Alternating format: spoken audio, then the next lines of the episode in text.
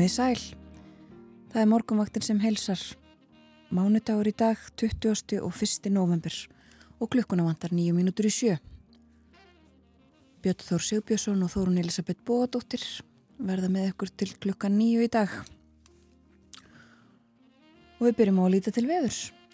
Já, og nefnum bara allra fyrst að það er mjög við á landinu. Já, áframhaldandi hlýjandi. Áttastega hiti sínist mér það sem hlýjast var klukkan 6. Aðeins svalara er Reykjavík, ekki nema fjóra gráður. Létt skíð og hægur vindur. Fimmstega hiti og kvanneri. Fimm gróður líka í stikisólmi heiðskýrt þar. Östan 6 metrar. Fimm gráður á Patrísfyrði. 6 í Bólungavík. En bara tveggjastega hiti á Holmavík og ein gráða á Blönduhúsi áttastík hins vegar við söðunisvita sekstíga hitti á Akureyri skíjað hægur vindur 5 gráður á Húsavík og 6 á Rauvarhöpp 7 stíga hitti á Skeltingstöðum. 5 stíga á Eilstöðum lítilsátt að rigning þar. Nánast logg og 6 stíg bæði á höfni Hortnafyrði og á Kvískerjum.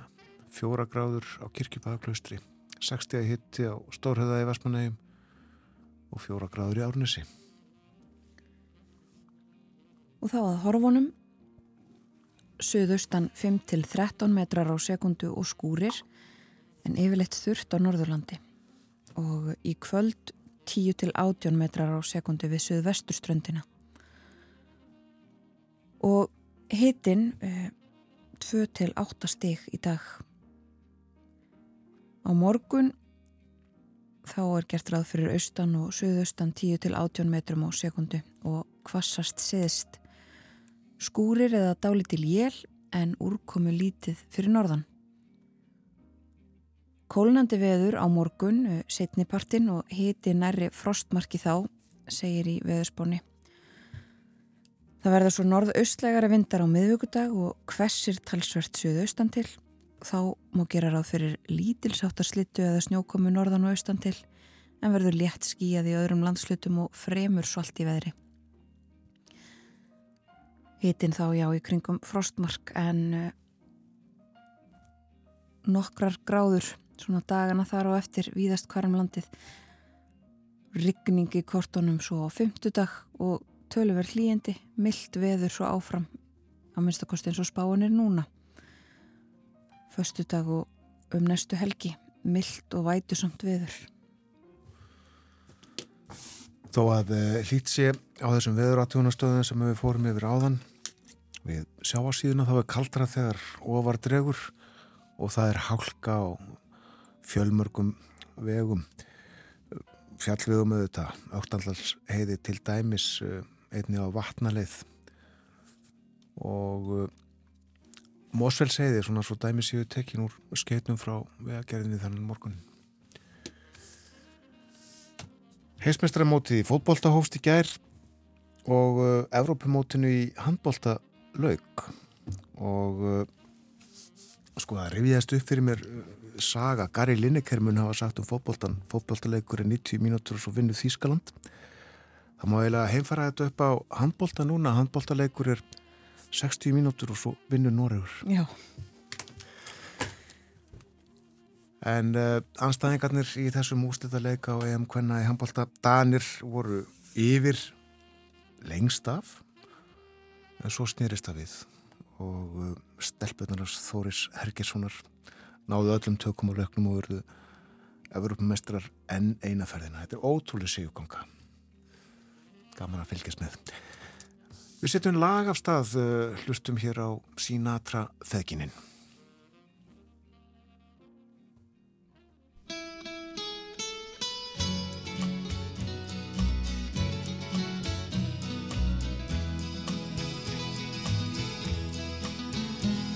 I know I stand in line until you think you have the time to spend an evening with me. And if we go someplace to dance, I know that there's a chance you won't be leaving with me. Then afterwards we drop into a quiet little place and have a drink or two. And then I go and spoil it all by saying something stupid like I love I can see it in your eyes that you despise the same old lies you heard the night before. And though it's just a line to you, for me it's true and never seemed so right before. I practice every day to find some clever lines to say to make the meaning come through. Then I think I'll wait until the evening gets late and I'm alone with you. The time is right, your perfume fills my head, the stars get red and oh the night's so blue. And then I go and spoil it all by saying something stupid like I love you.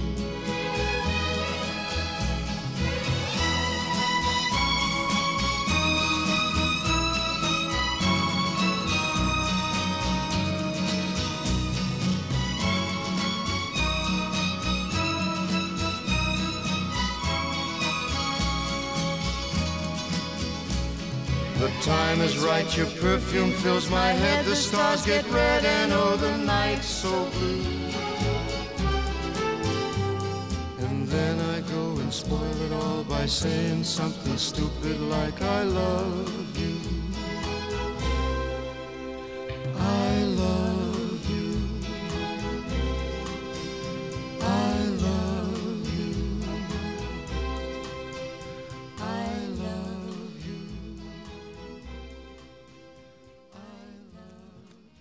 Nancy og Frank Sinatra. Something Stupid. Klukkan vantar tvær minútur í sjö. Við fáum fréttir klukkan sjö. Og að þeim loknum fyrir við ítalið yfir dagskrá þáttarins í dag. En uh, nefnum þó að uh, við ætlum að fjalla um Skeggja Áspjarnason við ætlum að fjalla um skipulagsmál. Og uh, það að skiptum starfsvettvang þegar nokkuði lið á starfsæfina það fyrir betur yfir þetta á eftir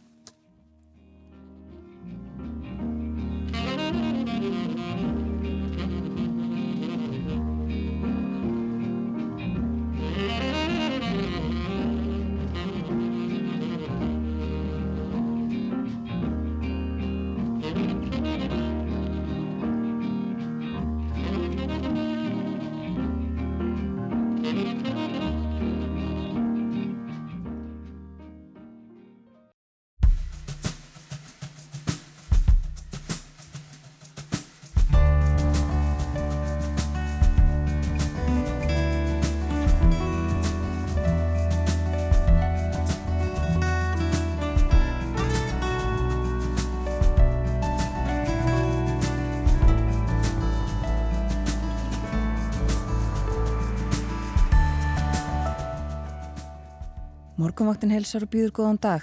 Í dag er mánudagur 21. november. Á lögadaginn fór í loftið loka þátturinn í þáttaröðinni Skeggi. Í henni fjallaði Þorstin Jóðum Skeggja Ásbjarnason, kennara við löganiskóla. Skeggi var dáður og dyrkaður á sínum tíma en komið hefur á daginn að hann braut kynferðislega á fjölda nefndar sinna. Þorstin Jóð kemur til okkar á eftir og við tölum um Skeggja og þættina. Öll viljum við búa á góðum stað þó það getur verið misjamt hvað í því felst. Við viljum að okkur líði vel heima hjá okkur og í nærum hverfinu, í hverfinu. En til að svo megi vera þarf að skipulegja hverfin vel og passa upp á alls konar hluti. Og þeim hlutum er alltaf að fjölga. Nú þarf til dæmis að hafa í huga loftslagsmál, orkuskipti, sjálfbærni, svo eitthvað sé nefnt. Ólafur Árnason, settur fórstjóri skipulagsstofnunar, ræðir við okkur vitt og breytum skipulagsmál eftir morgunfréttir klukkan átta. Kannast hlustendur við að langa til að hætta í vinnunni og fara að gera eitthvað allt, allt annað, söðla um eins og sagt er. Sífælt fleiri ákveða að skipta um starfsvettvang á miðri starfsæfi, hætta að kleipa hár og fara að hjúkra eða hvaða nú er og eflaust dreymir enn fleiri um það en stíga ekki skrefið. Og við fáum kvartningu til að breyta til í þættinum í dag. Jónína Kárdal, náms- og starfsráðgjafi verður hjá okkur klukkan hálf nýju. Umsjón með morgunvaktinni hafa Björn Þór Sigbjörnsson og Þórun Elisabeth Bóðadóttir.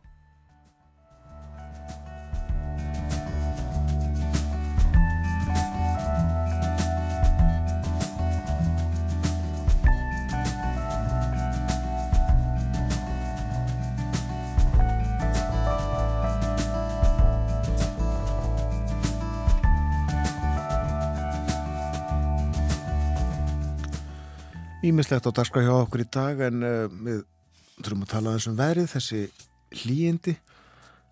Kólun eitthvað aðeins er það ekki setna í dag og kannski á morgun er svo hlýnar eftir.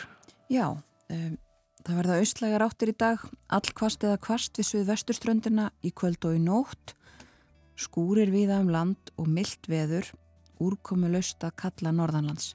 Það verður svo áfram all kvast við suðuströndina á morgun en kólunar í veðri já þá og Dálitlar skúrir eða jél á morgun víða um land en bjart viðri norðvestan til. Kólnar aðeins en eh, hlínar svo aftur og um næstu helgi er gert ráð fyrir mildu og vætusömu veðri. Það er svona, ef maður svona skrunar yfir spákortið, þá er á svona stöku korti lítilsáttar snjókoma en það er nú aðalega sínist mér að það verði upp á hálendinu. Já. Annar staðar uh, úrkoman í öðru formi, mest rigning. Grænjandi rigning á lögadaginn, uh, kvast viða, vindræðir sumstaðar kannski 15 metrar á sekundu eitthvað svo leiðis. En hitast í 8 og 9 gráður á, á lögadagskvöldið. Já. Og sömu hitatölur viða um landið. Þetta er um, eiginlega með hálfgjörðum ólíkinum. Áframhaldandi lígindi sem sett í kortunum en það þýðir þó ekki að það þurfi ekki að kíkja á nýjan vef vegagerðarinnar þegar haldið er í farðalög eða uh, lagt á stað í langar aukuferðir. Það eru hálkublettir og hálka víða. Hálkublettir til dæmis á Mósulsheiðu og í Kvalfyrði á vatnaleið og þaðan til Stikkishólms og á helstu fjallvegum á Vesturlandi en einnig í borgarfyrði Dölunum og á norðanverðu Snæfellsnesi.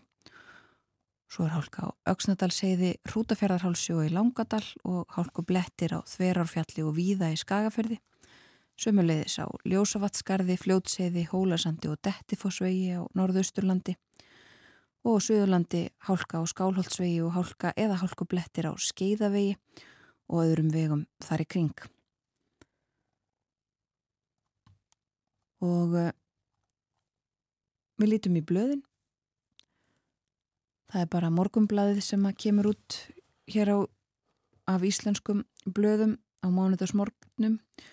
Þar er uh, fjallaðum um uh, þessa árás á bankastræti klöpp í miðborg Reykjavíkur á 5. og sagt hér í fyrirsögn að uh, hemdarkeðja á milli hópana lengist. Sem sagt, tveir hópar sem að skiptast á hótunum og meðal annars hefur bensinsprengju verið kastað og heimili mann sem að tengist málinu. 20 manns hafa verið handteknir í heldina og enn er 7-8 leitað. Vísbendingar um að sumir hafi flúið land, segir í, á fórsíðu morgunblassins. En sem sagt, hótanir verðast ganga á að melli stríðandi hópa sem áttu aðeldað árásunni. Rúður brotnar, fjölskyldur orði fyrir barðinu á ópnunum hópana. Lauruglan mun auka viðbúnað sinn og grípa til aðgerða, segir Margir Svensson aðstóðar yfir lauruglu þjótt hjá lauruglun á höfuborgarsvæðinu.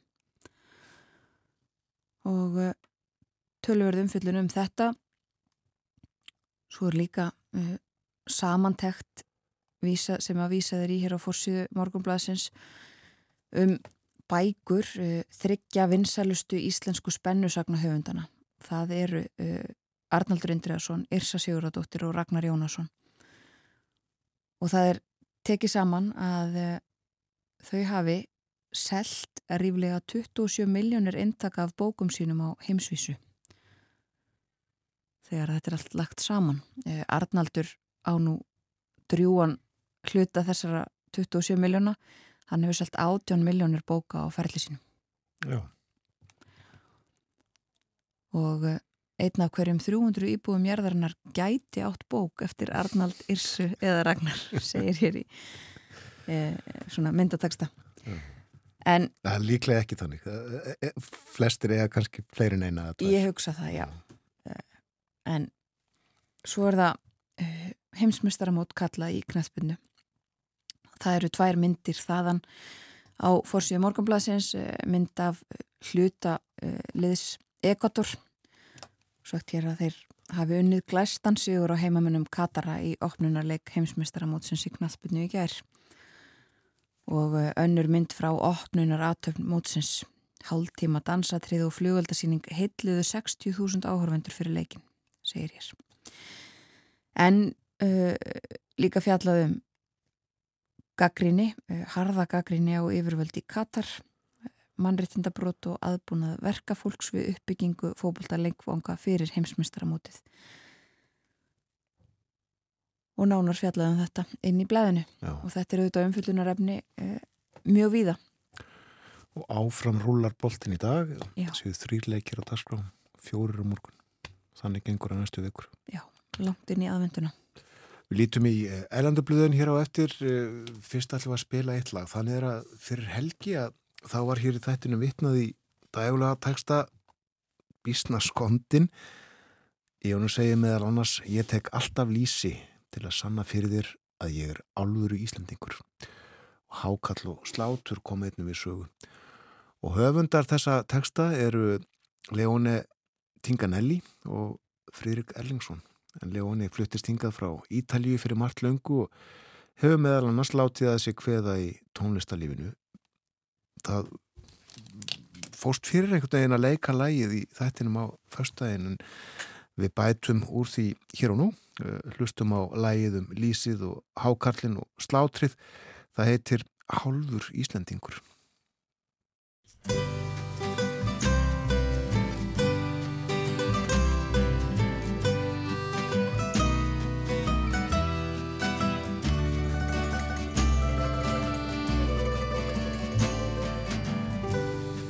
Er halvur Íslandingur Fættur í Napoli. Ég var ungur útlandingur Þegar ég sá til fyrst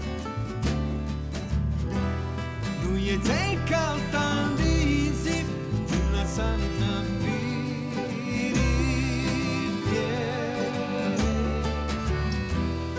að ég er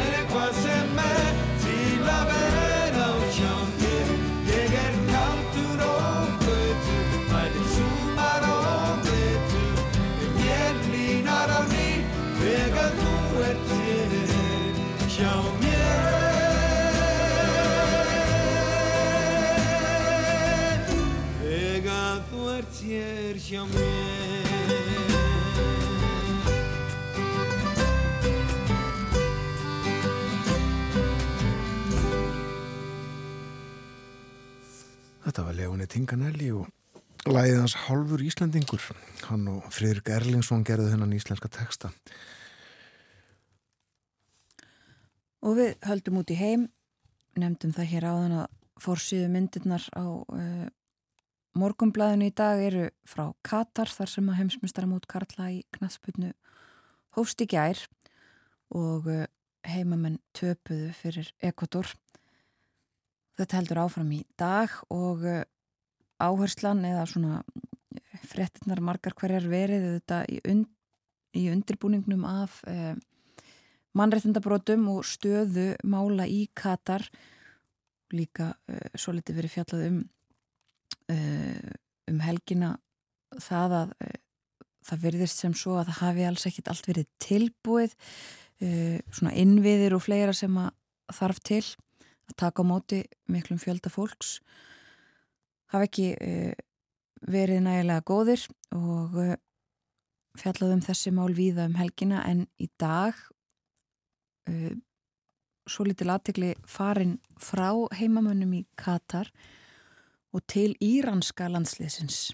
Um, Íranir eiga leik í dag uh, keppa við England og uh, í gær held ég að það hafi verið uh, í aðdraganda leiksins að þá uh, var haldinn bladamannafundur og uh, fyrirliði íranska landsliðsins tjáði sig um mótmælinn þar í landi sem að þykir harðla ofinnilegt hann um, sagði þar meðal annars uh, hóf fundin á því að segja áður en við ræðum nokkuð annað þá vil ég uh, votta fjölskyldum uh, sem sirkja í Íran samúð mína og sagði þau ættu að vita að við stöndum með þeim, við styðjum þau og við höfum samúð með þeim Við getum ekki uh, afneitað uh, aðstæðum fólks í Íran.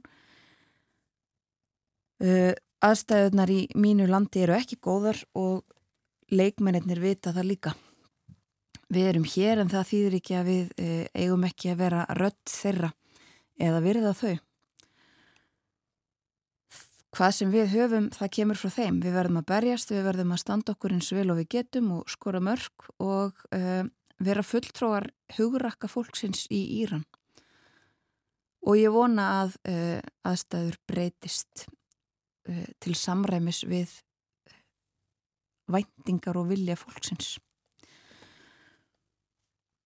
Og þetta þykir auðvitað stór merkilegt Esan Hæ Safi hann leikur í Greiklandi hjá Aþenu, AEK Aþenu. Og sagði þetta sannsagt uh, og þetta þykir mjög merkilegt yfir höfuð þetta ekki uh, vanalegt að fyrirliði eða svona bara leikmaður á svona sviði tjáu sig svona beint. Hvað þá uh, íranskur íranskur leikmaður þar sem að vitað er að tekið er mjög hart á svona lögði. Já, þetta er þetta hörðgagrinni og stjórnvöldlandsins. Mjög hörðgagrinni og e, Mannrættindasamtök segja að nú hafi 400 uh, mótmælendur verið drefnir og tæplega 17.000 handteknir uh, síðan að mótmæli þar hófust fyrir, uh, ja, fyrir í haust. Og í öðrum frettum sem að tengjast þessu þá var líka greint frá því að tvær eh, mjög þekktar og virtar leikonur íranskar hafi verið handteknar. Það var sagt frá því eh, ríkismiðlum í Íran fyrir að styðja mótmælinn samsagt um, og þeim er hvergi næri lokið halda áfram þessi mótmæli um, og Íranir, íransk stjórnvöld halda því fram að þetta sé uh, allt rönnuð undan rivjum erlendra óvinna Írans og hafa núna í tvígang uh, gert árásir á uh, kurdiska stjórnarandstæðinga í, í Írak sem verður tellið að hafi þarna hafi þarna áhrif. Um, en því hefur verið neytað Tyrkir sækja líka kurtum? Já uh, og já, það er alveg rétt þetta er sérsagt uh, svona það sem er að frétta þaða núna og, og búist við því að það verði alls konar alls konar fréttir tengdar ymsum málum í tengslu við þetta heimismestaramót í fótbolta. En sagt Íranir uh, leika við englendinga í dag. Og englendingar eru líka og breytar með hugan uh, við fótboltan það eru myndir af uh, ekki opnunarleiknum í gær viða heldur myndir af fyrirliðanum Harry Kane fyrirliða enska landslýsins og uh, þetta er bara nákvæmlega eins og við þekkjum eiginlega og er alltaf gert í ennsku blöðunum. Það, það eru miklar væntingar og ætlast til þess að liðið uh, að það liðið sko lifti anda þjóðurinnar og standi sér þannig. En þetta kemur ljós í dag hvernig fyrsta leikurinn fer og uh, auðvitað fjallaðan það líka sumstaður aðeimitt Harry Kane uh, fyrirlið Englands hefur sagt að hann muni vera með fyrirliða band sem að er með regnbúa á og þannig styðja við baráttu hins eginn fólks og uh, það jafnvel þó að uh, knastbyrninsambandið alþjóða hafi hóta því að, að hann fái segt og jafnvel bann er það nýjasta Hvað séður? Það var sáð því fleikt í einhverjum fjölmjölum í morgunna fyrir liðin og fleiri auðvitað sem að ætla að gera sliktið sama verði kannski bara ekkit með í öllum leikjunum þegar gætu átt yfir höfðu sér um, bann. Sérkynlega maður sem fer fyrir alltíð á knarspinninsambandinu. Afskaplega sérstakur. En rétt áðurinn að uh, við látum þessu lokið að uh, við nefndum einmitt stuðning við baráttu hinsegin fólks. Það var ráðist á hinsegin klúp í Colorado Springs í bandaríkunum. Um helgina að minnstakosti 5 sem voru myrt og uh, 25 særðust en það voru einn eða tveir uh, gestir þarna á þessum klúpu sem að yfirbuguðu árásamannin og komið þannig í veg fyrir, segir laurökla og yfirvöld að uh, já, jáfnvel týjir til viðbúta hefðu látist. Og það var gert með því að uh, nota bissu þessa manns uh, segir í frettum ekki og, og, og þau notuð hana ekki til þess að skjótan heldur börðu mannin með henni og gáttu þannig stöðvaðan og hann muni vera á spítala.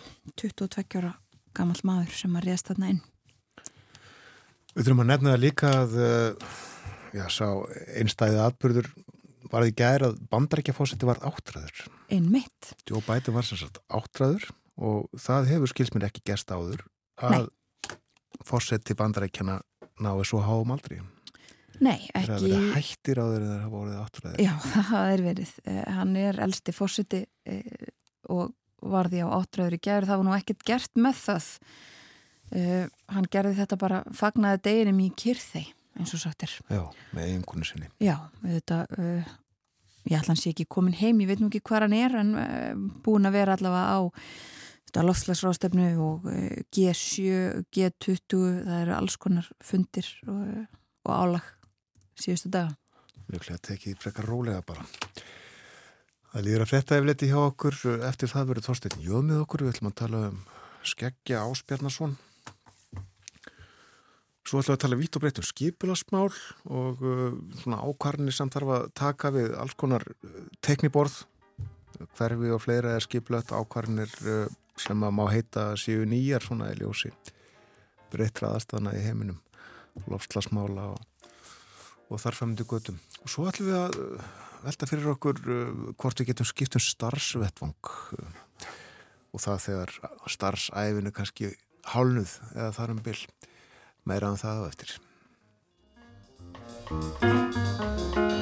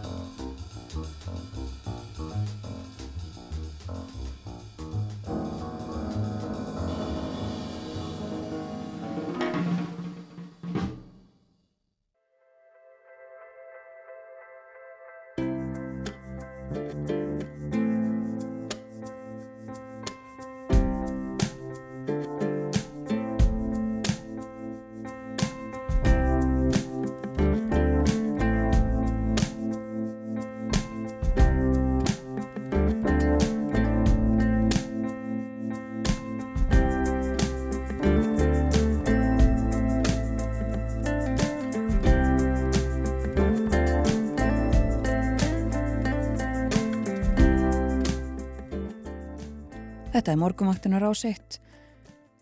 Klukkan orðin rúmlega halv átta það er mánudagur í dag 21. november komin. Og það er útlilt fyrir regningu víða um land í dag. Þurft þó á Norðurlandi og 5-13 metrar á sekundu en 10-18 við suðvesturströndina með kvöldinu og fram til morguns. Á morgun, austan og suðaustan, já, 10-18, kvassast síðist. Skúrir eða dálitil jél en úrkomu lítið fyrir norðan. Það kólnar á morgun og hiti verður nærri frostmarki setnipartin. En það hlínar svo á ný á miðvöggudag og verður myllt veður á fymtudag, á förstudag og um næstu helgi eins og staðan er núna á spáin. Við minnum á það að hér á eftir þá ætlum við að ræða um skipulagsmál. Til okkar kemur Ólafur Árnason, settur forstjóri skipulagsstofnunar. Við ætlum að tala um ímislegt sem að nú þarf að taka tillit til og taka með í rekningin þegar að verður að skipulegja umhverfið okkar. Alls konar hlutir sem að nú þarf að taka með í rekningin sem að kannski hefur verið með öðrum hætti áður og undir lokþáttarins þá kemur til okkar Jónína Kárdal náms og starfsráðgjafi. Hún ætlar að gefa okkur ráð um það hvernig hægt er að skiptum starfsvettvang á miðjum aldri. Margir sem að hugsa um það en kannski get ekki eða þor ekki að taka stökkið.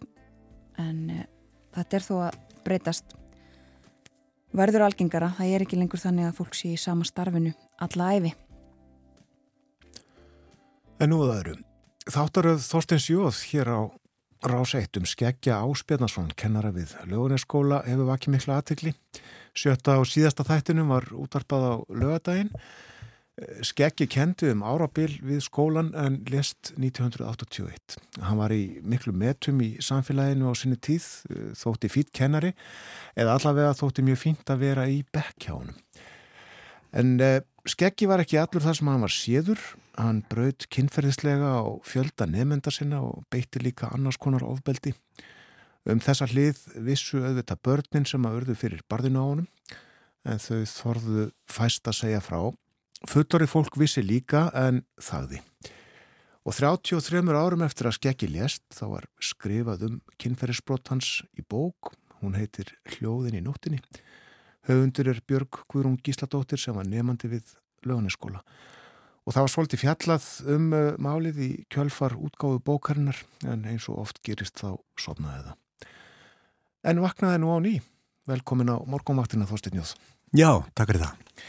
Hvernig kom það til að þú fórst að skoða þetta mál, skeggja og, og, og hans sögu alla? Í stuttum máli bara þá, um, ég var í lögunaskólanum og um, þegar bókinn kemur út þá var ég bara ótrúlega, um, ótrúlega miður mín að heyra þetta og uh, Solveig Ólástóttir, minn konu mín, dóttur í Sakfræði, ég saði með döðana fyrir nokkrum árum uh, Solveig, ef þetta verður ekki rannsaka þá verður við að gera það. Og þannig er að ég kem og fer að hugsa um þetta aftur í, í vetur leið og, og, og svo ræði ég hérna við Þröst Helgarsson, uh, Darskustjóra Rásar 1 og Skarpíðin Guðmundsson dagsfjörstjóra Sjónvars og við setjum sniður og ég segi þeim sko svona lítur þetta út, þetta er það sem við vitum ég er að vera úr þessari bók og, og þetta er eitthvað, það er eitthvað mjög undarlegt í, í gangi hérna, það, það bara lítur þannig út. Þannig að uh, skeggi var auðvitað starfsbæður Rúf, lausráðinn uh, fyrst með barna tíma og annars líkt og síðan svona þætti fyrir eldra fólk og þeir voru til í þetta, þannig að þannig fer þetta af stað í raun og veru og hérna og þegar maður fer á stað, svo ég takki það fram þá er ég raun og veru aldrei með neinar sérstaklega hugmyndum hvernig þetta er eða hvernig þetta á að vera, maður spyr bara opið hvað gerðist?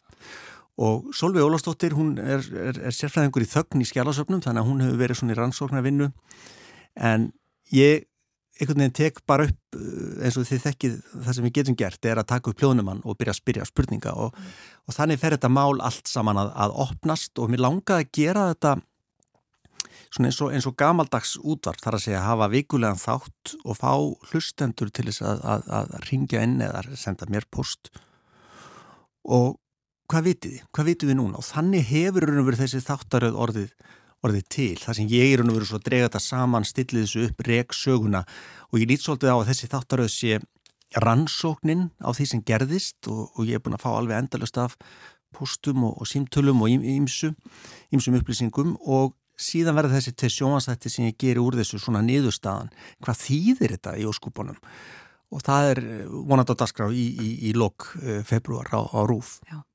Þú segir einmitt, þú varst sjálfur í skólanum uh, uh, og einhverjir og margir sem þú ræðir við vissu einmitt sem börn þó að þau hafa ekki endilega lend í skeggja en það var ekki þannig með þig, þetta var eitthvað sem kom þér og óvart þegar bókinn kemur út. Já, vegna þess að þetta eru þetta undir ratar og við verum átt okkur á því, ég segi þetta orði í, í, í fyrsta skipti í sjötta þættinu sem var á lögadaginn, þá segi ég hér eru við að tala um barnanýðing, mann sem að haga sér þannig. Og þess vegna ef við tökum bara sambarilegt dæmi eh, af, af einhverjum öðrum sögum eða öðrum Uh, manneskjum sem eru að haldnir badnagind þá, þá þýðir að það að, að það er allir undir ratar, það, það lætur enginn sjást til sín.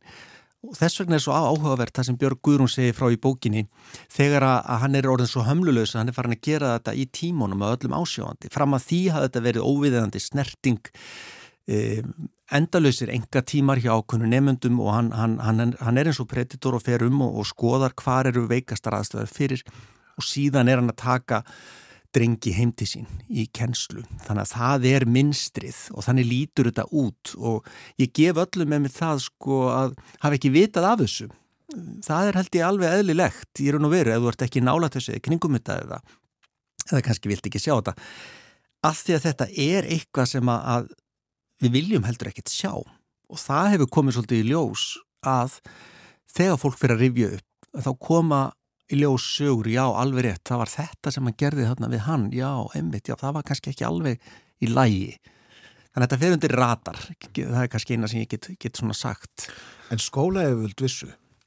Já, það er nefnilega það, hver vissi hvað og hvenar og, og þess vegna hef ég verið að skoða mjög ákveðið hvenar skóla hefur völd vissu að þessu. Og það eru þessir fundir sem að ég hef búin að tiltaka að minnst að kosti þrjú dæmi og þau eru fleiri.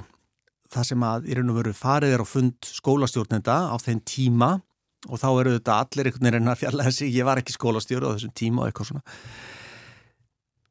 Og hvað er gert og hvað er ekki gert? Og það er þetta, það sem ég vil líka segja svolítið, ef ég tala bara almennt að að þetta snýst ekki um að, að, að finna einhvern einn, einn skólamann og, og, og, og hengja hann eða hengja ríkisútarpið eða hengja þá sem höfðan í vinnu eða þekktan.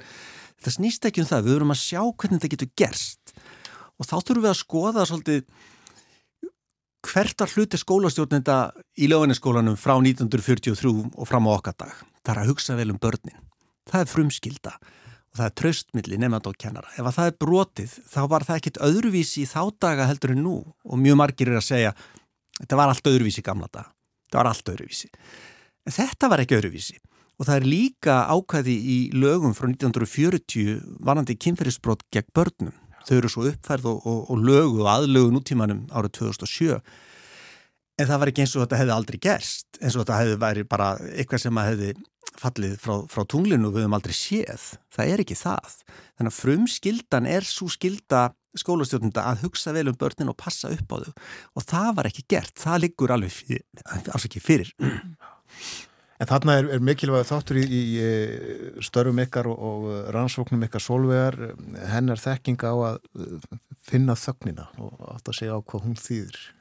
Já, hvað er ekki sagt? Mm. og, og þess vegna kannski kom hann á óvart hvað skjálasafn uh, löguniskólan sem er, er, er varveitt hjá borgarskjálasafni er í raun og veru rýst hvað lítið er skráð og það sem við fengið að sjá af því og, og fengið þá staðfest frá safnuna því við hefum ekki fengið að sjá all gögn.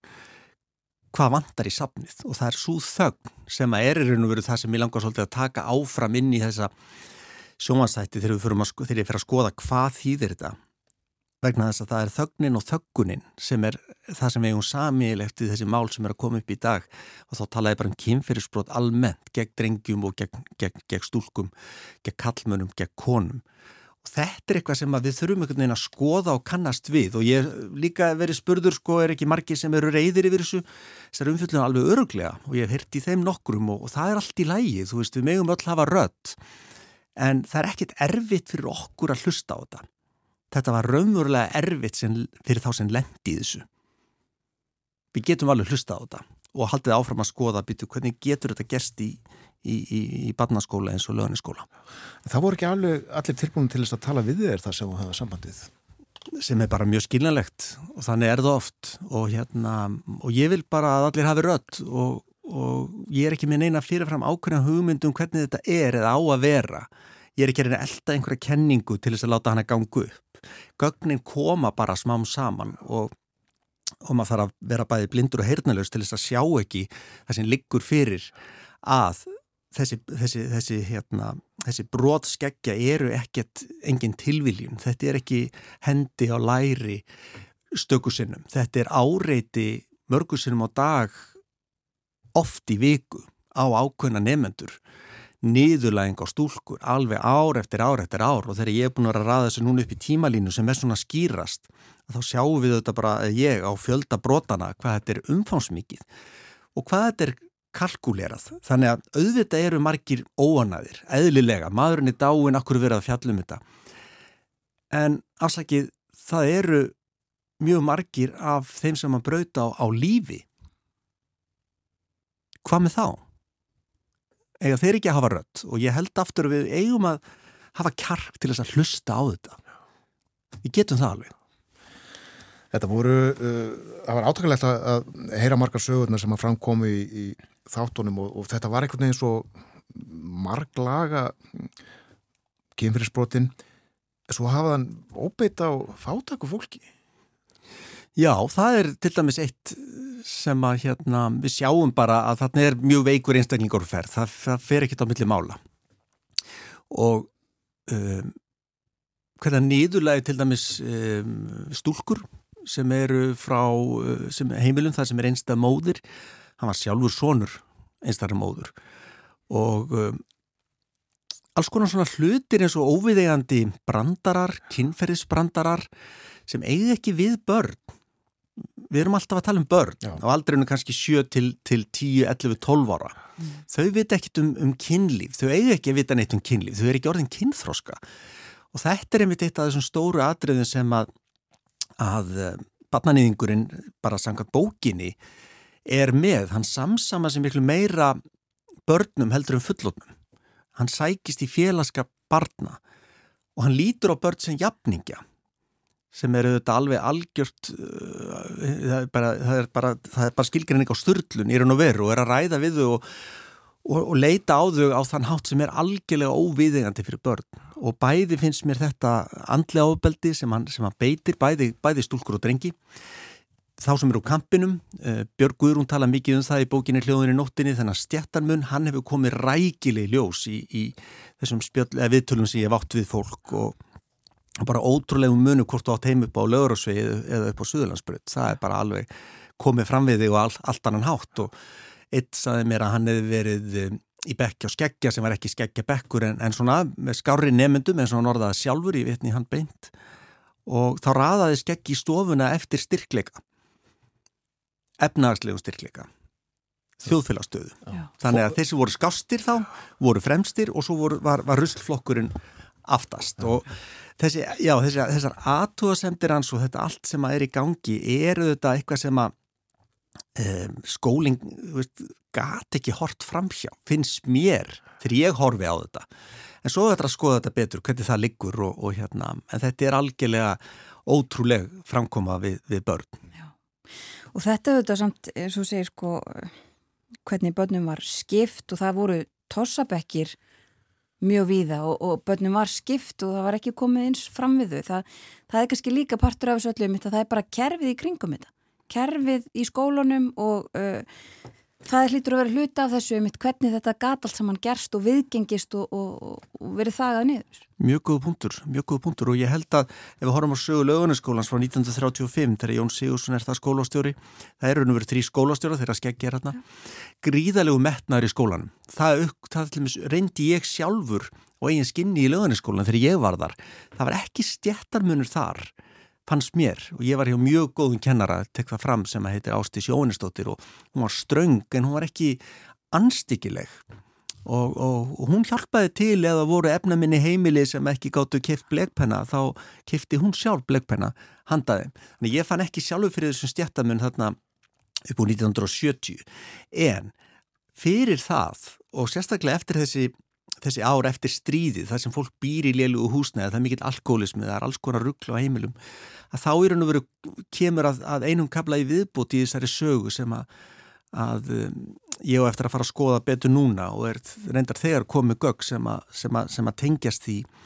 Og það er hvernig skólinn kemur að því að senda sérstaklega drengi burt og þá eru við að tala um þessi, þessi hræðilu vistheimili eins og Jæðar og, og, og Breiðuvík. Og þar eru barnavendanemndir sem er að fara á þessi heimili, þessi lagari heimili þar sem að barnur líður illa og ímislegt er í gangi. Og um, skólinn verist koma að því að senda drengi burtu á þessa skelvilegu staði. Og ég tala við nokkra þeirra sem að, sem að voru þarna og og auðvitað er um, þessi umfyllun er ekki um heimilin sem slík en þessi tengsl skólans við badnavendanemnd og badnavenda yfirvöld er eitthvað sem þarf að skoða líka vegna þess að skeggi notaða það ítrekkað að hóta börnum þessum heimilum eða létu illa. Og, og það eru nokkri nefndur hann sem fullir það að hann hefði fjarlægt að minnst að kosti einn úr bekknum að því að hann var með kjáft og leiðindi. Mm. og allt innu dúka sá upp bara vestur á fjörðum á Breiðvík. Þannig að þetta er ótrúlega margt þarna í gangi eins og þú ert að spyrja að og, og sérstaklega þetta valdakerfi og þessi struktúr og, og um hvað snýstan þá? Veist, ef hann snýst bara um að halda heyri skólans óflekkuðum, þá er það ekki rétt. Það er ekki rétt núna og það var ekki rétt þá.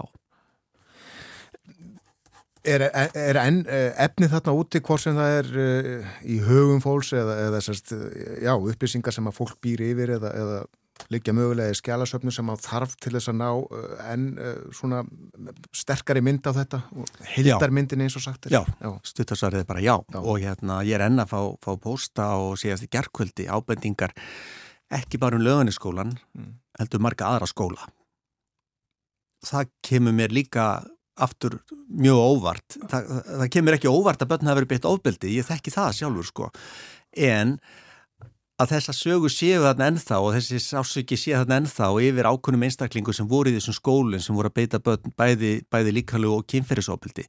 Það er eitthvað sem, sem auðvitað þarf að skoða líka. En svona stóra myndin aftur í mínum huga er ekki bara þetta mál með skeggja. En ég held eins og að við verðum að komast til bossíðu sem er skeggja. Ég verði að fá að teikna upp þessa tímalínu og tala um þetta eins og þetta er til þess að við sjáum hverju viljum við breyta hérna? Býtaðins, sko, sko voru menn eins og skeggi í öðrum skólum líka? Já, já. Ekki þessum mæli, augljóslega, en menn sem voru að brjóta kynferðslega á börnum.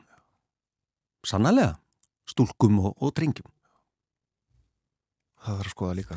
Já, og líka bara aftur, eh, við horfum á þetta stóra samíkja, því ég verið að spyrja, þú veist, þá sem ég verið að tala við, hvað, hvað þýðir þetta? Hvað næst? Og það er spurningi sem ég er að fara með inn í næstu vikur og, og, og það að, að teikna þetta betur upp. Hvað næst? Hvað ætlum við að gera í þessu? Hvað ætlum við að læra á þessu? Mm. Og það þýðir voru að líta að bjóða einhverju fólki þólendum einhverju áfallahjálp við áfallið sem enginn vil talum. Það þýðir ekki að kreyfast afsökunarbeginni til uh, skólans eða skólaðiðveld eða ríkis eða borgar eða rúfi eða eitthvað á þess að við vitum á hverju erum við að byggast afsökunar og það er auðvitað það sem liggur fyrir finnst mér eftir þessa rannsókn. Og ég er mjög þakkláttur auðvitað allir þessu fólki sem hefur þórað að stiga fram, komið viðtölinn margir hafa ekki þórað að komið viðtölinn, gefið upplýsingar haldið því áfram, ég er í símaskráni en við verðum að skilja hvernig óskubónum þetta gæt gæst, áður við förum að segja byrjuði á það þarf að gera þetta og þetta og þetta. Já. ég persónulega hef ekkit óbúslega miklu að trú á ríkinu Ég hef ekki mikla trú á rannsóknar nefndum per se sem taka fjögur ári að, að, hugsa eitthvað mál og segja okkur eitthvað hafi gæst. Þetta er bara gerðist. Nú þurfum við bara að sjá nákvæmlega svart á kvítu hvernig það lítur út og svo getum við farið að ákveða ok, hvað næst? Hvað viljum við læra á þessu? Við, hvernig viljum við sitta punkt hérna fyrir aftan og, og byggja þólendur afsökunar ef að þessir þörf, eða þegar þessir þörf, þegar við vitum hvað gerist eða hvað hefur gæst og svo taka þetta inn í þessa stóru mynd, MeToo-byltinguna líka, þólendum er aldrei trúað og, og þöggunir er alveg jafn mikil og, og, og þá. Þetta er það sem við þurfum að læra þessu, held ég, til þess að geta haldið áfram. Það þýr ekki bara að segja, já, þetta var leðilegt og það er nú margt í mörgu og þetta var nú annar tími. Það var ekki annar tími. Takkaði fyrir að koma til okkar. Og. Takkaði fyrir þættinu um skeggja. Meira í februar og þá í samvarpinu. Algjörlega. Takk, Þorstein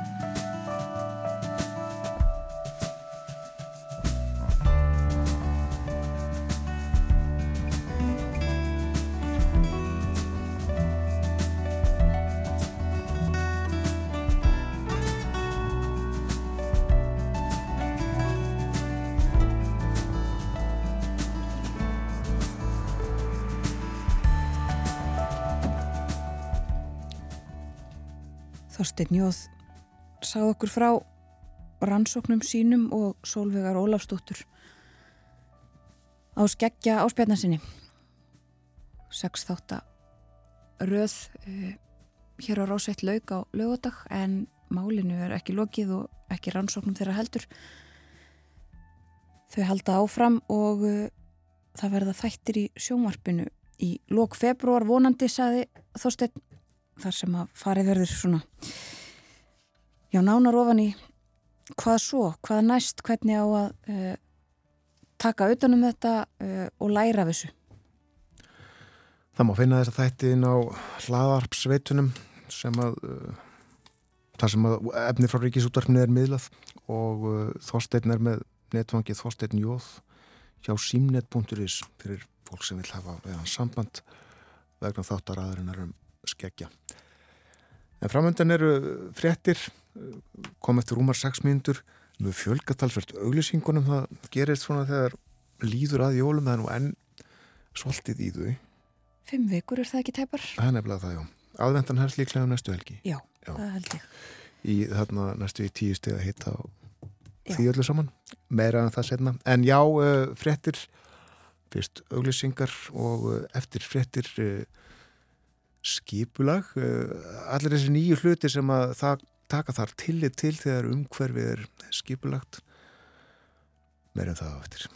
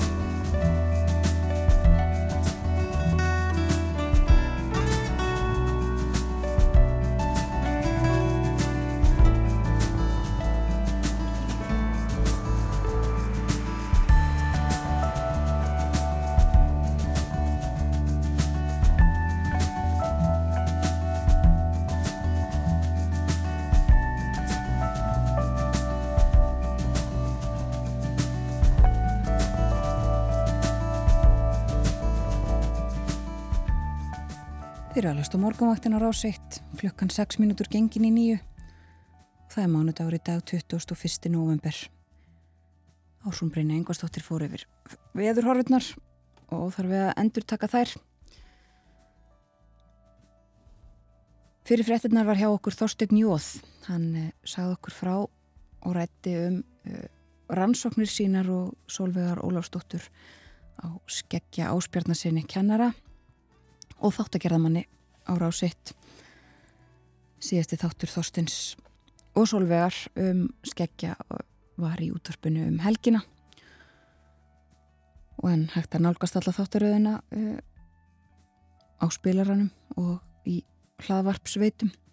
Og þau ætla að halda áfram um fjöllunum um þetta mál það er vona á sjónvarsþáttum í februar sem farið verður uh, enn frekar ofan í þessu mál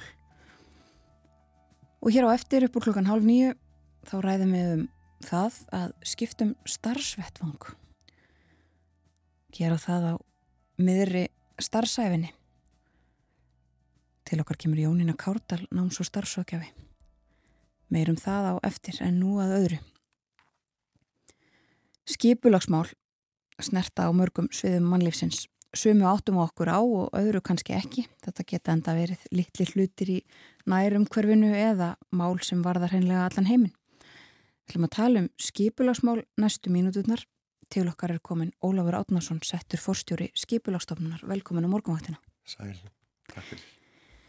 Þið heldu uh, dag, skipulagsdag í síðustu viku þar sem að um, ímislegt var rætt og ég held að mig segja mitt að uh, þar hafi komið svolítið vel fram að uh, skipulagsmálinn snerta á mjög mörgu. Þar voru uh, alls konar ólíkmál til umfjöldunar, sum kannski sem maður endilega átt að segja ekki á að, að tengist skipulagi. Um, kannski bara byggja þau um að byrja á að, að fara yfir það sko, Hva, hver eru stóru málinn í skipulagsmálum núna? Þau eru nú ansi mörg. Um, ég held að sé ágætt og kannski ágættist dæmi er að taka einmitt daskra skipulagsdagsins sem við vorum með núna. Og þetta er svona árlegur viðbyrð sem við erum með í samstarfið við Samband Íslenska Sveitafélaga. Það sem við förum svona yfir það sem eru áskoranir í eða við teljum vera mál sem er verðt að ræða. Deginum dag þá vorum við að ræða til dæmis um stafræna vegferð. Við rættum um bæjarýmið og það er eitthvað sem við heyrum oft af. Það má segja að þegar við tölum með um skipula nærumkvöldsins okkar að þá snertir það okkur beint og við heyrum mjög mikið af því en til viðbútar þá rættum við einnig til dæmis fæðuriki með tilliti til skiplagsmála og við rættum líka orkuskiptin með tilliti til þess hvað þarf að gera því allt skiptir þetta máli varandi rástöðun okkar lands og ekki bara í núinu heldur til framtíðar. Mm -hmm og til viðbúta við þetta þá held ég að í gegnum allt þetta eru stóru málinn eins og til dæmis lofslagsmálinn sem að hafa snertifleti hansi víða og koma víða við í, í skiplasmál. Já, og hafa einmitt eins og segir snertifleti allstaðar og það á við hvort sem við verum að tala með mitt fæður ekki orkusskipti eða, eða bæjarímið og, og hverfin okkar. Um, en förum aðeins yfir þá uh, sko stafran vekkferð, þú nefndir það hvernig, hvernig tengist það skipulagsmálum og hvað, svona, uh, hvað gerir það fyrir, fyrir almenning? Það sem er í stafræðinu vegferðinni kannski sérstaklega sem varðar almenning held ég að í þessu eins og svo mörgu öðru bara í okkar daglega lífi að uh, við erum sífælt að fá betri aðgengi að gögnum og öðru slíku. Og svona stærsta verkefni sem er að vinna það sem ég held að muni skipta mjög miklu máli fyrir almenning í framtíðinni það er verkefni sem við kallum skipulagsgátt. Um, ef þú ert núna í dag að uh, fylgjast með skipulagsmálum í þínu hverfi eða vilt taka þátt að þá er það þannig að þú myndir þurfa að fara og fylgjast með því sem er að gerast hjá Reykjavík og Borg og sjá þar það sem það er auglist og þannig er það í öllum okkar sveitufélögum sem er í dag hvað, 63. Skipulaskáttin hún mun taka utanum öll mál sem er í gangi í skipulasmálum á landinu. Hvort sem er í skipulagi og einni líka í mata umhverfisáhrifum framkvæmda og hvað var það framkvæmdalegi. Það þýðir að þú getur núna farið á þennan stað í gáttina og séð hvað er að gerast í mínu hverfi. Eh, þú getur jáfnveil farið ángað og vakta og sagt, heyrðu, ég vil fá tilkynningu þegar það er nýtt mál að fara stað sem að er í mínu nærjumkvöri og það myndur þú fá bara tilkynningu inn á island.is eða í, í heima, bara í hérna inboxið og geta þá kynnti málið mm. og ef það er eitthvað sem þú vilt gera ábendingar um að geta þá gert það í gegnum þessa skiplaskátt. Þannig getur þú þá fyllt málun eftir því að það er líka það sem er við skiplasmálun er að það skiptir máli þar málsmeðferðin getur við sagt og það eru nokkur skref sem við þurfum að taka þegar við erum að samþykja skipulag. Við gerum það til að tryggja að það hafi allir aðgengi og geti allir komið að þessu á einhverjum tímapunkti. Þannig að til dæmis byrjuðum við á skipulagslýsingu, við byrjum ekki að því að koma strax með tillögun og svo framvegis. Og það myndur líka geta fylgst með þessu í gegnum gáttina og tekið þá þátt í gegnum allt ferlið. Einmitt og þetta er auðvitað eitthvað sem oft heyrist eh, gaggrínt sko. Það sé ekki mjög gegnsæ, eh, gaggsætt og fólki er erfitt með að afla sér upplýsinga og, og stundum kom einhverju hlutir fólki bara algjörlega óvörum en þannig að þarna mun þetta allt saman breytast. Það verður miklu auðveldar að nálgast allar upplýsingar. Ég held að sé alveg ljóst að það mun verða byltingi því Já. aðgengi og svona að auðvelda okkur þáttöku í þessum málum. Og hvena verður þetta tekið í gagni? Við erum bara á loka metrunum með þetta. Hún er í rauninu komin upp uh, svona tilbúin og er í prófunum núna. Þannig ég gerir áfyrir því að við hefjum nýtt ár með uh, öflur í kynningu. Því að það skiptir máli að ekki bara setja út gáttina heldur að hún verði kannski skipulaskáttin svona hugtak sem að öllum, ungum og öllnum er tamt að nota og vita hvert að fara. Þannig að hún, við byrjum á næst ári og það mun taka tíma náttúrulega inn í árið en, en það er þannig að við munum geta að fara að nota hana strax á byrju næst árs. Og vandar upp á það svona að fólk, uh, almenningur sé að láta sig þessi mál varða? Ég held að sé nú oftast nær þannig þegar við tölum um þetta almennt að þá séu þeir sem er að vinna skipula í sammálu um að þeir myndu vilja sjá meiri þáttöku. Allt frá samráðsfundum og kynningafundum yfir í, í, yfir í þetta. Mm -hmm. Og við erum sífæltarinn að finna leiðir, bestu leiðirnar til þess að nálgast uh, alla hagsmunna aðala og í, sérstaklega íbúa. Um, þetta held ég að sé góð leið til þess og þú getur gengið að þessu sem vísu að þarna sé hægt að koma í. Því að svona almennt sé að já, við erum sífæltarinn að finna leiði til þess að, að gera þetta betra. Já, og þá kannski einmitt erum við komin inn á þetta sem að, um, við ætlum að tala svolítið um sem er svona bæjarýmið, það er kannski það sem að við látum okkur mest varða eða skiptur okkur svona frá degi til dags mestu máli, það er svona okkar nær umhverfi og um, þegar við varðið tölverðum tíma í uh, svona hugsum þau mál og eru það undirbúa einhverja leiðbenningar um hvernig eigi að uh, haga skipulagi í bæjarýminu. Uh, segðu okkur bara aðeins fyrst frá því. Já, um, það er rétt jáður. Við vorum núna á skiplastöginum að kynna leiðbenningar sem að er að koma út um skipulag bæjarýma og þetta er unnið með samtökum sveitafélagur og höfbrukarsvæðinu en eru leiðbyrningar sem við vonust til þess að allir geti nýtt öll sveitafélag fyrir þeirra já, miðbæðar í mig eða svo leiðis og um, við vitum það að og það er mikið rætt um borgarlínu og þjóttingum byggðar mm -hmm. og annað slíkt og, og þetta þessar leiðbyrningar ætti að vera ágætis efni inn í, inn í það, inn í þá skipla skerð því að það er svo margar áskonun sem er í þessu um, og þetta snertir svo mörg málefni. Við getum sagt að, að það að fara í þjettingu byggðar að það hefur marga kosti. Þetta getur verið um, lofslagsmál með tildi þess að við ferðum sminna og nýtum meira nærþjóðanstöðin í umhverjum okkur. Þetta getur líka bara verið svona mál sem snýr bara gæðum byggðarinn okkar. Að við getum svona nálgast alltaf helsta að það er að máta innan okkar umhverjus. Um, En það er áskorunin sem fylgjaði einnig. Hvernig er við þá að ráðstafa þessu landi og þegar kemur að þéttingu að við gerum það rétt. Að við pössum upp á að halda umhverju skæðunum. Það hefur verið rætt að setja um hluti eins og byrtu eða, eða vind skilirði í kringum svona byggingar. Eh, það verið að ræða um hluti eins og hvernig komum við öllum samgöngum átum sem best fyrir. Mm -hmm um, og þá meina ég öllum að við getum bílinn okkar, við getum líka auðvöldlega valið einhvern annan kost til jams á við það til þess að fara að ferðum okkar um hverjum. Þannig að þessa leiðbynningar uh, þær eru held ég mjög gott veganisti inn í þetta og inn í þessa skipilasker sem er náttúrulega bara í fullum gangi núna þessa dagana. Hafa ekki verið til neinar svona leiðbynningar um það hvernig eigi að uh, skipulegja svona rými? Það kom fram til dæmis á málþinginum, þetta ágætt að heyra það svona utanfrá frá, e, frá þeim sem er að vinna skipulegsmálum að með þessu ríti sem er nú talsið stórt að þá sé tekið utan um alla þættu einu stað. Það er að sjálfsögðu til Reykjavík og Borg til dæmis hefur verið dölur við það að gera leifinningar fyrir sitt svæði. Um, það eru til Ímis ellend leifinningar og, og, og íslensk líka en þannig eru við sérstaklega að smíða leiðbynningar að þessu málefni.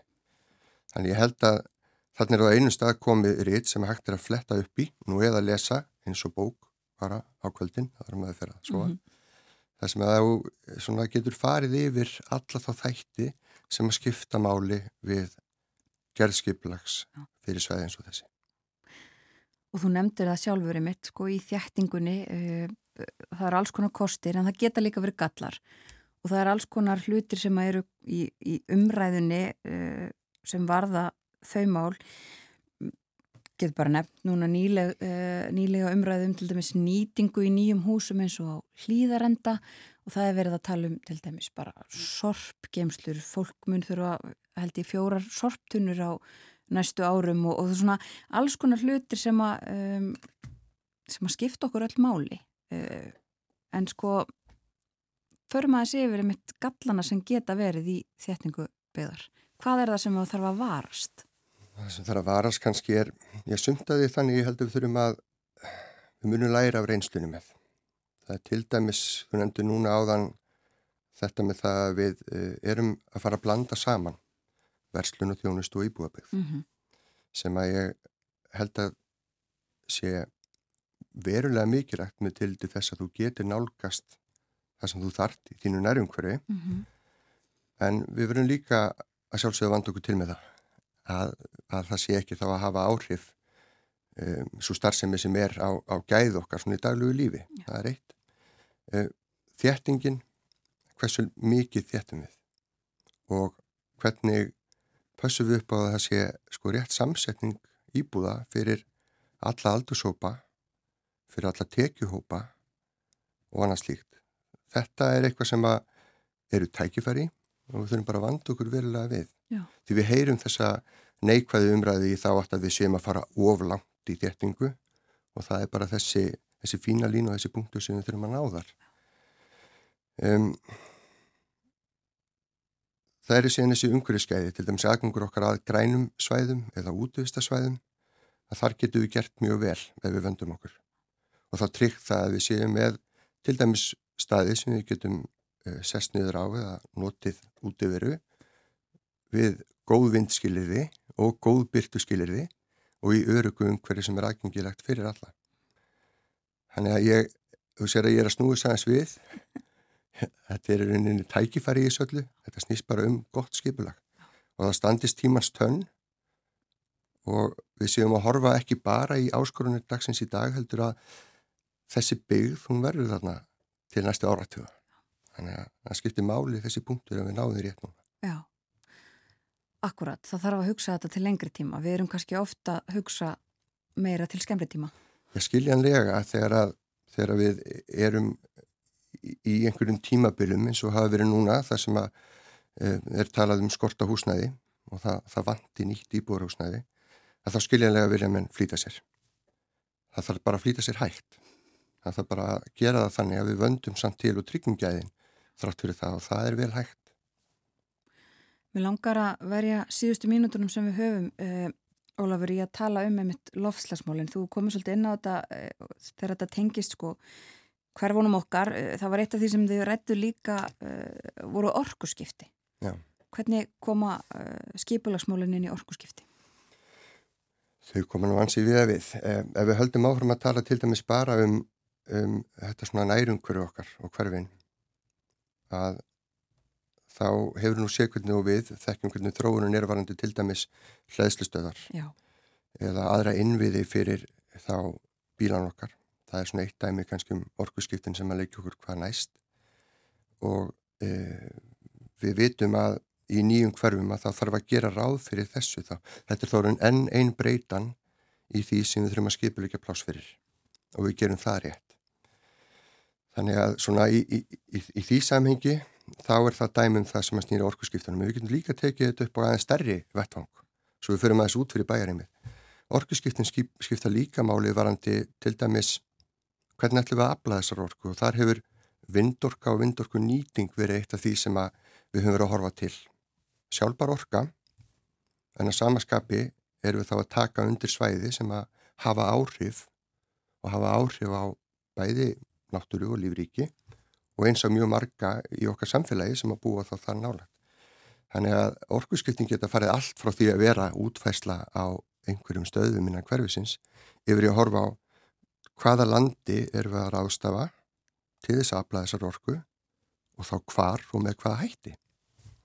Þannig að það var talsið til dæmis talað um þetta skiplasteginu, hvernig sveitafylgjögin eigi að móta sína stefnu og koma því að passa upp á að í þeirra nærsamfélagi sé þetta gert rétt. Já, og eru sveitafylgjögin að huga vel að þessu?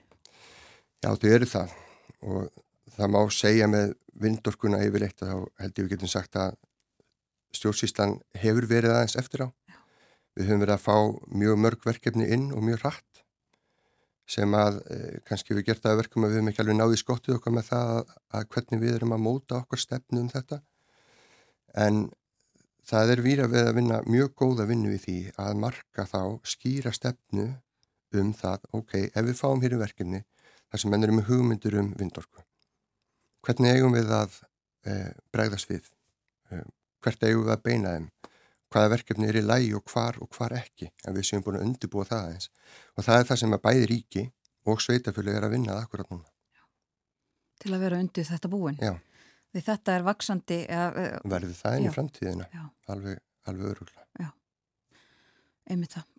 Hvað er svona sko þið eruð að vinna í þessari skipulags skátt og stafrætni vegferð eh, það er langt liðið fram í nógumber eh, það er bara að spurja því í lókin sko, hvað, hvað er annað framöndan hjá ykkur næstu mánuði og kannski næsta ári um, Á nokkur mínúndum það er nú ímislegt eh, við sjálfsögum erum halda áfram að vinna í það er svo mikið og margt sem skiptir máli varandi lofslagsmáli sem dæmi Já. sem við erum að vinna núna það er einnig margt sem að skiptir máli svona í stærra saminginu varandi til dæmis bara uh, að kortleggja óbyggðu viðritnir okkar með til, til orkunýtingur og annað slíkt. Um, við erum að klára núna uh, og við vinnum það fyrir svæðisráð á östfjörðum og vestfjörðum. Þá erum við núna á næstu mánuðum að ljúka til dæmis við fyrstu strandsvæðiskipulegin fyrir landið, fyrir östfjörðu og vestfjörði. Og þau eru lokametrunum og þau taka til þá nýtingu fjörðana í kringum byggðirnar á þessum svæðum og þarna gætu við nú talað ansi lengi um ýmislegt sem var þar til dæmis eh, fiskeldi e, eh, og ferðamennsku og útivist og annað sem við gerum, syklingar og allt það sem við erum að gera á þessum svæðin. Þannig að það er mjög spennandi tímar þar að sjá, sjá þessi skipuleg verða, að, að, hérna, verða til og staðfest. Já. Um, þannig að þetta er svona eitthvað af þeim málum sem er á döðunni hjá okkur núna. Já, ég held að við þurfum að uh, fá þau til okkar aftur að ræða þessi uh, strandskipulög þegar þau verða að uh, hafa lítið dagsinsljós en við höfum ekki meiri tíma í dag. Takk fyrir að koma til okkar á morgunvaktina. Takk fyrir Ólafur. að taka mótið mér. Ólafur Átnarsson settur fórstjóri skipulagstofnunar. Sáð okkur frá ymsu stórum og smámálum í skipulagsmálum. Það líður yfirleiti morgunfrétta. Það kemur eftir tæpar 5 minútur. Svo ætlum við að ræða um það skiptum starfsvettvang.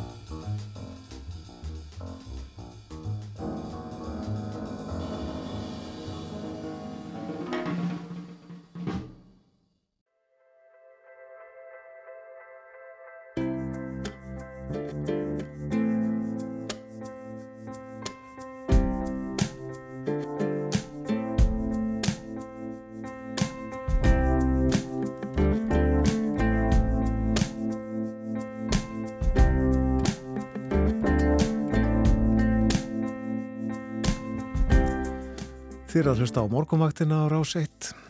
Það er mánudagur dag, ný vinnuvika hafinn. 20. og 1. november. Klukkan núna réttliðilega hálf nýju. 20. og 1. november, já. Ég segi stundu hvað handritin okkar heita. Eh, þessi, þetta handrit, handrit dagsins heitir sem sagt 20 og 1, 1, 1, 2, 2. Og morgun er 20. og 2. november. 2022 og það svo dagsetning fer vel á blæði, róið að segja. Já, það eru nokkrar sem hafa gert það undarfarið. Það er ekki langt síðan að ég mitt gerði þetta sama og þá var það 1-1-1-1-2-2 11. november. Það þarf ekki alltaf mikið til þess að glæðja mann. bara nokkra tölur. En uh, starfsæfi margra er frekar einhæf, getur verið að uh, fólk byrja kannski ungd að vinna á tilteknum vettvangi, stundum, jáfnvel oft eftir sérhæft nám og er þar, eiginlega þar til komiður á eftirluna aldur. En þeir eru þetta líka til sem að skipta um starfsvettung, gera það kannski á miðri starfsafinni, fara að gera eitthvað allt annað en þið gerðu áður. Og svo höfum við Hope Falls án Eva sem langar til að söðla um, prófa eitthvað nýtt, en hefur sér ekki í það. Hér er Jónina Kárdal, hún er náms- og starfsráðgjafi og vinnur í Háskóla Íslands og er jáfnframt formaður félags náms- og starfsráðgjafa. Velkomin til okkar. Já, takk fyrir. Góðan daginn. Góðan dag. Já, það er allur gangur á þessu en uh, sko aðeins svona sögulegu yfirliti uh, það var kannski meirun það hér áður fyrir það ekki að fólk legði eitthvað tiltekki fyrir sig og gerði bara það alla starfsæfina. Það er meiri reyfing á, á fólki í dag. Eða hvað? Já, ég myndi segja það einmitt að, að hérna eh, vinnumarkan hefur breyst svo mikið á undanförnum kannski bara hvað, 20 árum, þessuna 10 árum bara með tilkomu upplýsingabildingarinnar og, og það er óskup eðlilegt þegar maður, við lifum þessu lífi og við spyrjum hvað ætli að vera þegar hún stór? Og, og hérna þetta bara byrja að snemma við erum að spyrja börnin og, og svo menta maður sig og, og hefur einhverja hugmyndir um hvert maður ætlar að fara. Og hérna ég er náms- og starfsakjafi, það er mitt starf og mér langar einmitt að, hérna bara nefna það einmitt hvað gerir náms- og starfsakjafi af hverju af hverju hérna er ég að gera það sem ég geri? Jú, ég er að mitt starf, uh, mín mentun uh, vinnur að því að auðvölda fólki á hvað aldri sem er og, og í hvaða aðstæðin sem er er einmitt að, að hérna, stýra sínum náms- og starfsferðli átta sig á styrkleikonum og annað. Og, og hérna ég myndi segja einmitt að sko ekki er ég nú gömul. Og, og hérna þegar ég horfa á minn eigin náms- og starfsferðil þá er hann búin að taka ymsar byltur. Þó svo að ég sé búin að vinna upp í Háskóli Íslands. Þannig að ég hef gert mjög margt fjölbreytt og tekið á móti fólki einmitt í náms- og starfsakjöf sem er einmitt að spyrja um þetta byrju að ég með langar að breyta til hvernig ná ég að stíga skrefið. Já, og þetta var einmitt likil orð sem þú nefndir á þann, fólk á öllum aldri. Það er sérsagt fólk á öllum aldri búið að vera á vinnumarkaði, Já. gera svipaðar hluti kannski áratugum saman sem að langar að gera eitthvað annað, eitthvað nýtt. Já, já, sko, og meiri segja, sko, þarf það ekki að vera neitt áratugum saman, af því að um, hvað svo stattur að stött að statt í, í þínum starfferðli, þá ert að fástu mismundi verkefni. Og, og hérna það er mikilvægt einmitt að átt að sjá því hvernig maður er að þróast í starfi. Og, og hvert einasta verkefni leiði manni í átt að einhvers konar niðurstöðu eða eitthvað slíkt, ég nota mína þekkingu, færni og hefni, ég nota styrkleikana mín, mína líka, þó oft séð þannig að við einblýnum of mikið á veikleikana, að einhver annar sé betri ég eða þessi kann þetta betur, að þá er svo gott að staldra við og ræða málinn við náms- og stafsakjafa sem er víða, sem er hægt að finna bara í rauninni allstaðar, út í vin, át og vinnumarkanum, í mentakerfinu, Um, segjum til dæmis að einhver sé hérna, einmitt búin að kannski að vera á vinnustaf mjög lengi hefur einhver þetta vegna ekki náða svona sinna sér gegnum endumendun, símendun að þá e, þarf maður að búa yfir upplýsingum hvernig ég get breytt. Og það er svo auðvelt að og það er eðlilegt að maður svona maður fer í bóðið eða heyrir um einhvern sem fór í eitthvað nám. Og það er svo gaman að fara í þetta nám og ég er að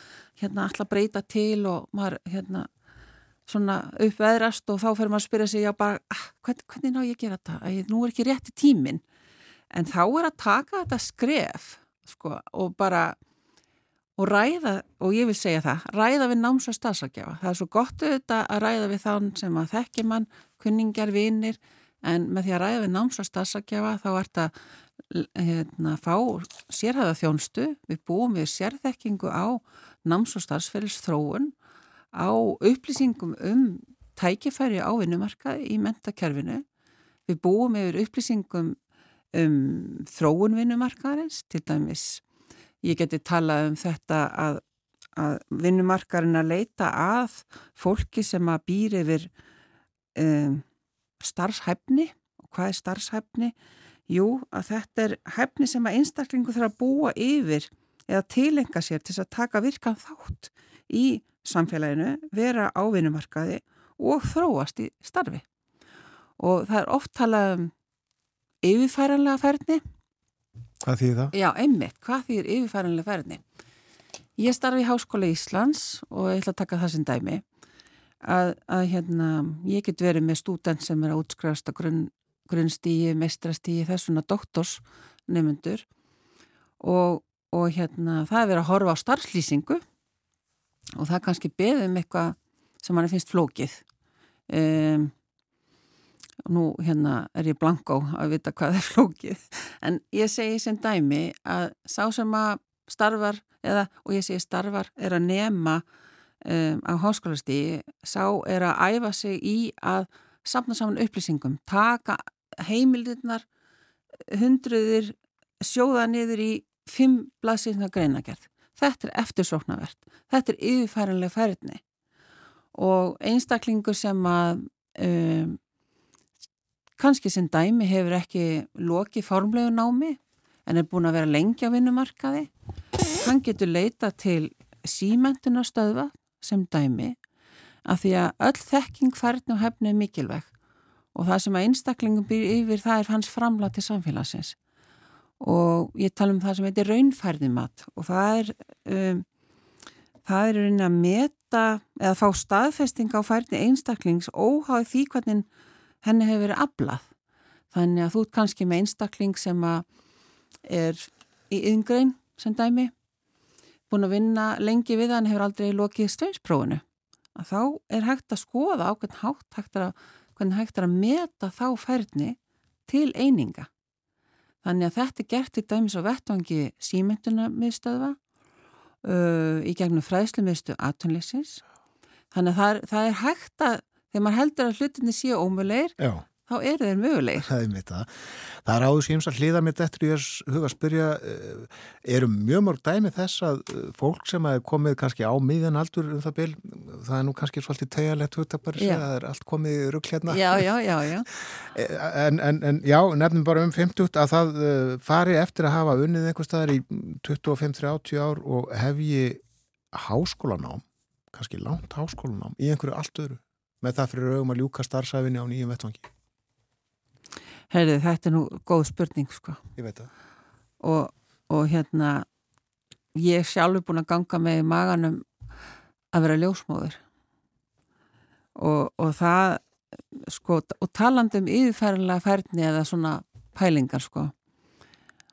Ljósmóðurinn hann hjálpar hann eða hún það hjálpar hérna þeim sem er að fara að fæða barni þannig að það er þessi hjálparfærni að aðstóða og ég sé það í mínu starfi, ég er að aðstóða einstaklinga við að raungera sína drauma. Hérna eru dæmi um það? Já, ég myndi segja það og, og þegar við hugsaum um svona breytingar á vinnumarkanum, þetta giggaratnir, gighagkerfið. Þannig að þú kannski komið með einstakling sem að um, er komið með mjög mikla reynslu ákveðnum vettvangi, er, er honu sérfræðingur og, og hérna álitskjafi og vill bara breyta til, vill vera sjálfstætt, sjálfstætt starfandi og þá er hægt að kynna sig á þeim vettvangi og þá er eitt sem skiptir máli, það er tengslanetið. Að gleym ekki því að í gegnum starfsæfina að þá erum við búin að tala við fjölda fólks og vinna og starfa með fjölda fólks sem er í svona tengslanetin okkar. Og, og það er svo eðlert og sjálfsagt að leita í það þegar maður ætlar að að breyta, já veistum eitthvað starf eða hefur heyrtum og svo framvegis. Já. og svo til þess einhvern veginn að, ekkert einhvern veginn heldur til þess að undibúa þetta að því við þurfum að stýra eigin náms og starfsferðli oft. Þetta er ekki tilvílunum háð myndi ég vilja segja, þó manni finnst þetta að vera tilvílunum háð. Það er einhver ástæð fyrir því að maður finnur þess að þörf fyrir að breyta og hún kemur ekki bara eins og þrjum úr heiskil lofti. Það er eðlert kannski að uh, nenn ekki, langa ekki til að gera sömu hlutina ár eftir ár eftir ár alla starfsæfina. Hvað sem það er að kenna eða kera vörubíl eða lækna eða hjúkra eða hvað það er. Já, Þannig dregur upp svona ákveðna staðal, staðal ímyndir og það er, það er óskupælt maður gerir það til þess að reyna að skilja þetta ferli. Af því að ef að maður finnur það fyrir hjá sér að maður vil breyta þá er það, það er svolítið svona, á ég segi, ókveikjandi eða þú ert að hrista upp í tilvörinni vegna þess að oftast nær ert ekki einu eða einn mm. eða eitt. Þú ert, að, þú ert í samfélagi og ert með fjölskyldu eða skuldbindingar og eðlilega viltu svona neginn, ekki alveg rugga bátnum strax. Þess vegna er svo gott eh, og ég ætla að endur taka aftur að leita til náms- og starfsákjafa sem að hvort sem vilt fara í háskólanám eða vilt taka upp þráðin hvað var þar að ljúka framhaldsskóla um, og, og ég vil bara benda á hérna, vefsíðu félags náms- og starfsákjafa fns.is þar er hægt að fá upplýsingur um hvað við gerum. En með þetta að taka næsta skref. Það er vefsíða sem heitir næstaskref.is og hún geymir upplýsingar um bara mjög, eða bara líka við allar námsleiði sem hægt er að hugsa sér. Starfslýsingar, pælingar og, og hérna þegar maður ætlar að undirbúa þetta eða jafnvel ekki að fara að undirbúa þá spyr maður herðu Björn, hver er þú? Hvað myndur nefna sem styrkleika þína? Og, og við þurfum að kortleggja þetta, við þurfum að spá í hver ég er og, og hver er áhersluð mín, hver er hérna, styrkleikar mínir, hver eru framtíðadraumar mínir og aftur að svona stafrænu efni sem er opið öllum að þá vil ég nefna efni sem hægt er að finna á virk.is hjá virk starfsendurhæfingarsjóði. Það er til dæmis um, stað, staða sem fólk er í að, að hérna, veikinda eða áfalla að þá þarf að byggja sér upp aftur og, og koma sér af stað í virkni og þá er til hérna, efni sem heitir aftur í vinnu og undir það hver er þú? Og þetta er svona gaggvirt efni þar sem þú ert að skoða áhugasviðin störf, framtíðadrauma styrkleika og og hérna mjög skemmtilegt efni sem að einmitt fekk viðurkenningu félags námsastarfsakjafa núna bara um daginn. Og það var Lína Ernardóttir sem er námsastarfsakjafi þar sem að hérna, bjóð þetta til.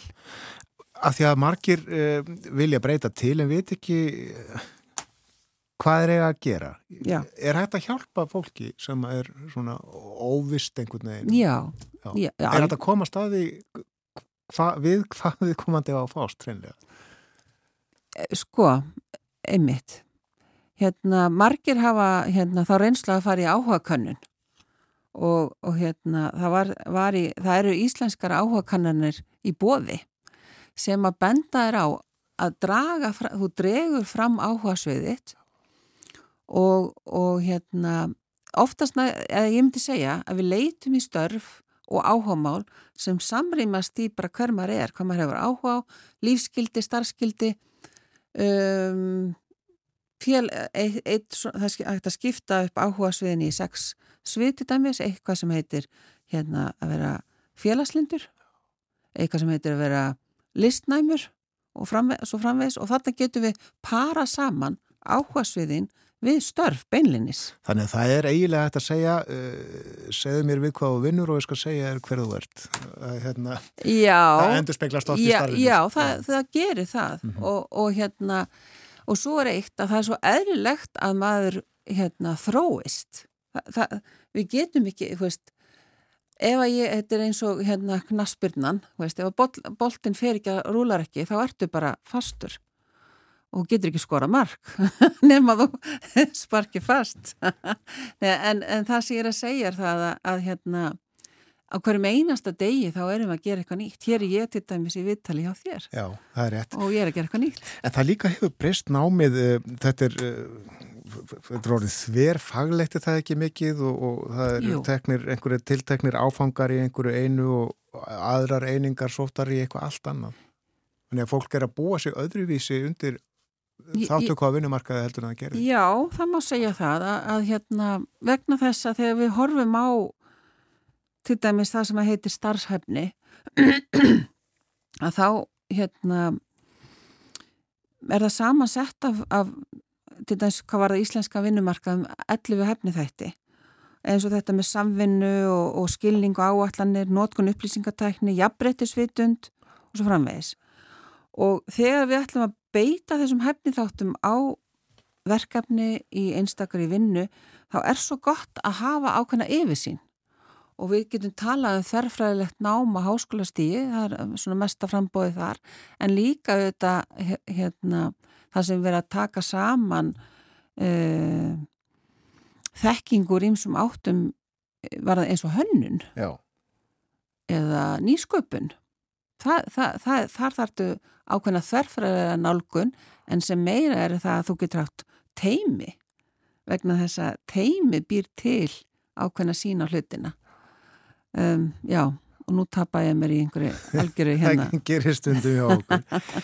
En uh, þetta er svolítið stór ákvörðin að taka fyrir um, 17, 18 20 ára ungmenni að, að hérna, á, ákveða að ætla að verða eitthvað sérstakt og, og minna við það í næstu 50, 50 árin. Þannig ætlum ég bara einmitt að leiðra þetta En það þarf ekki að vera þannig. Nei, það þarf ekki að vera þannig og það er ekki þannig myndi ég segja Þetta er allt spurningum hvernig þú ætlar að komast inn, í, inn á vinnumarkaðin með, með hvaða hætti, hvaða ætlar að vera með yðnám eða ætlar að hafa háskólanám eða, eða hvað sem er? Og, og hérna þetta er, hugsa, þetta er þú getur hugsað þannig að þú ert að taka skref sem verður að ferli. Og hverjum tímapunkti þarftu að staldra við og íhuga hver er ég, hvað er ég að gera, hvað er það nýjasta. Uh, núna til dæmis erum við að horfast í augu við, við hérna, sjálfbarni og, og, og loftasvá og, og heiminn hefur minga þannig að það er auðveldar að eiga í samskiptum. Þannig ég myndi segja að, að við þurfum þetta einhvern byrjunarreitt og til þess að átta sig á byrjunarreitnum að þá er svo mikilvægt að ræða við náms- og starfsakjafa sem að býri við þessari þekking á mentakerfinu á því hvernig fólk er að þróast sig áfram í náms- og starfsferðli og, og þá er hægt að nálgast bara í rauninni allstar. Komumst ekki lengra, við ætlum að velta þessu aðeins fyrir okkur áfram við Þórun Elisabeth, eh, þetta með að skiptum starfsvettum, ekki fyrir okkur, við erum að hugsa um þetta bara hérna fyrir samfélagi, þetta er bara hérna, já, já, bara já, við fjöldum á annum skipilasmál. Já, Kæru hlustendur, ekki miskilu okkur. En þakkaði fyrir að koma til okkar Jónuna Kártal. Já, takk kjalla fyrir mótökunar.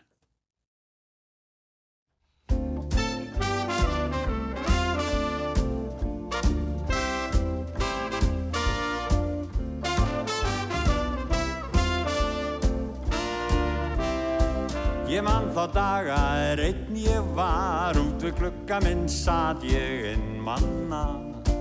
Ég dráði gleði og hamingu ákall leitað en aldrei fann. Svo byrtist þú og lífi fekk tilganga nýju. Og sólinn skeinin um glukkan minn þú fyllir minnir í von. Lífið er lag sem við syngjum saman tvö dag eftir dag.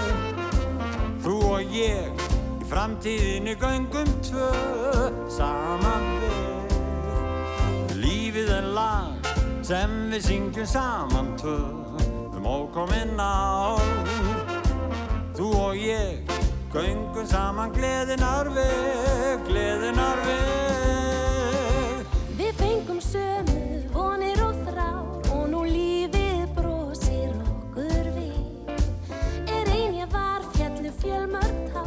sem enginn skildi mig.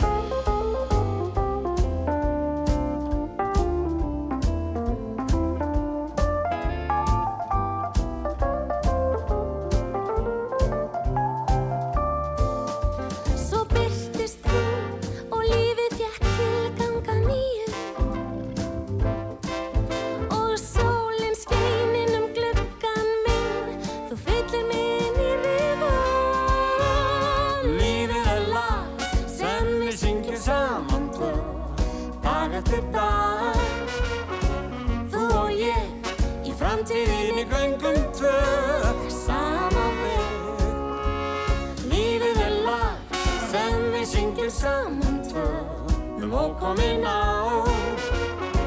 Þú og ég göngum saman gleðinar veg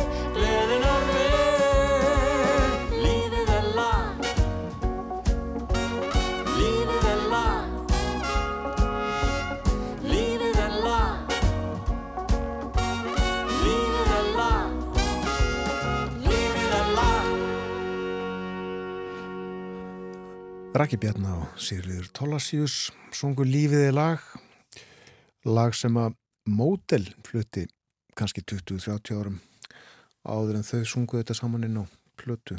Þar voru Freyri Karlsson og Gunnlúi Brím og Eiríkur Haugsson Edda Borg og fleira gott fólk gott ef þetta var ekki fórkeppni söngukeppnar Einmitt það.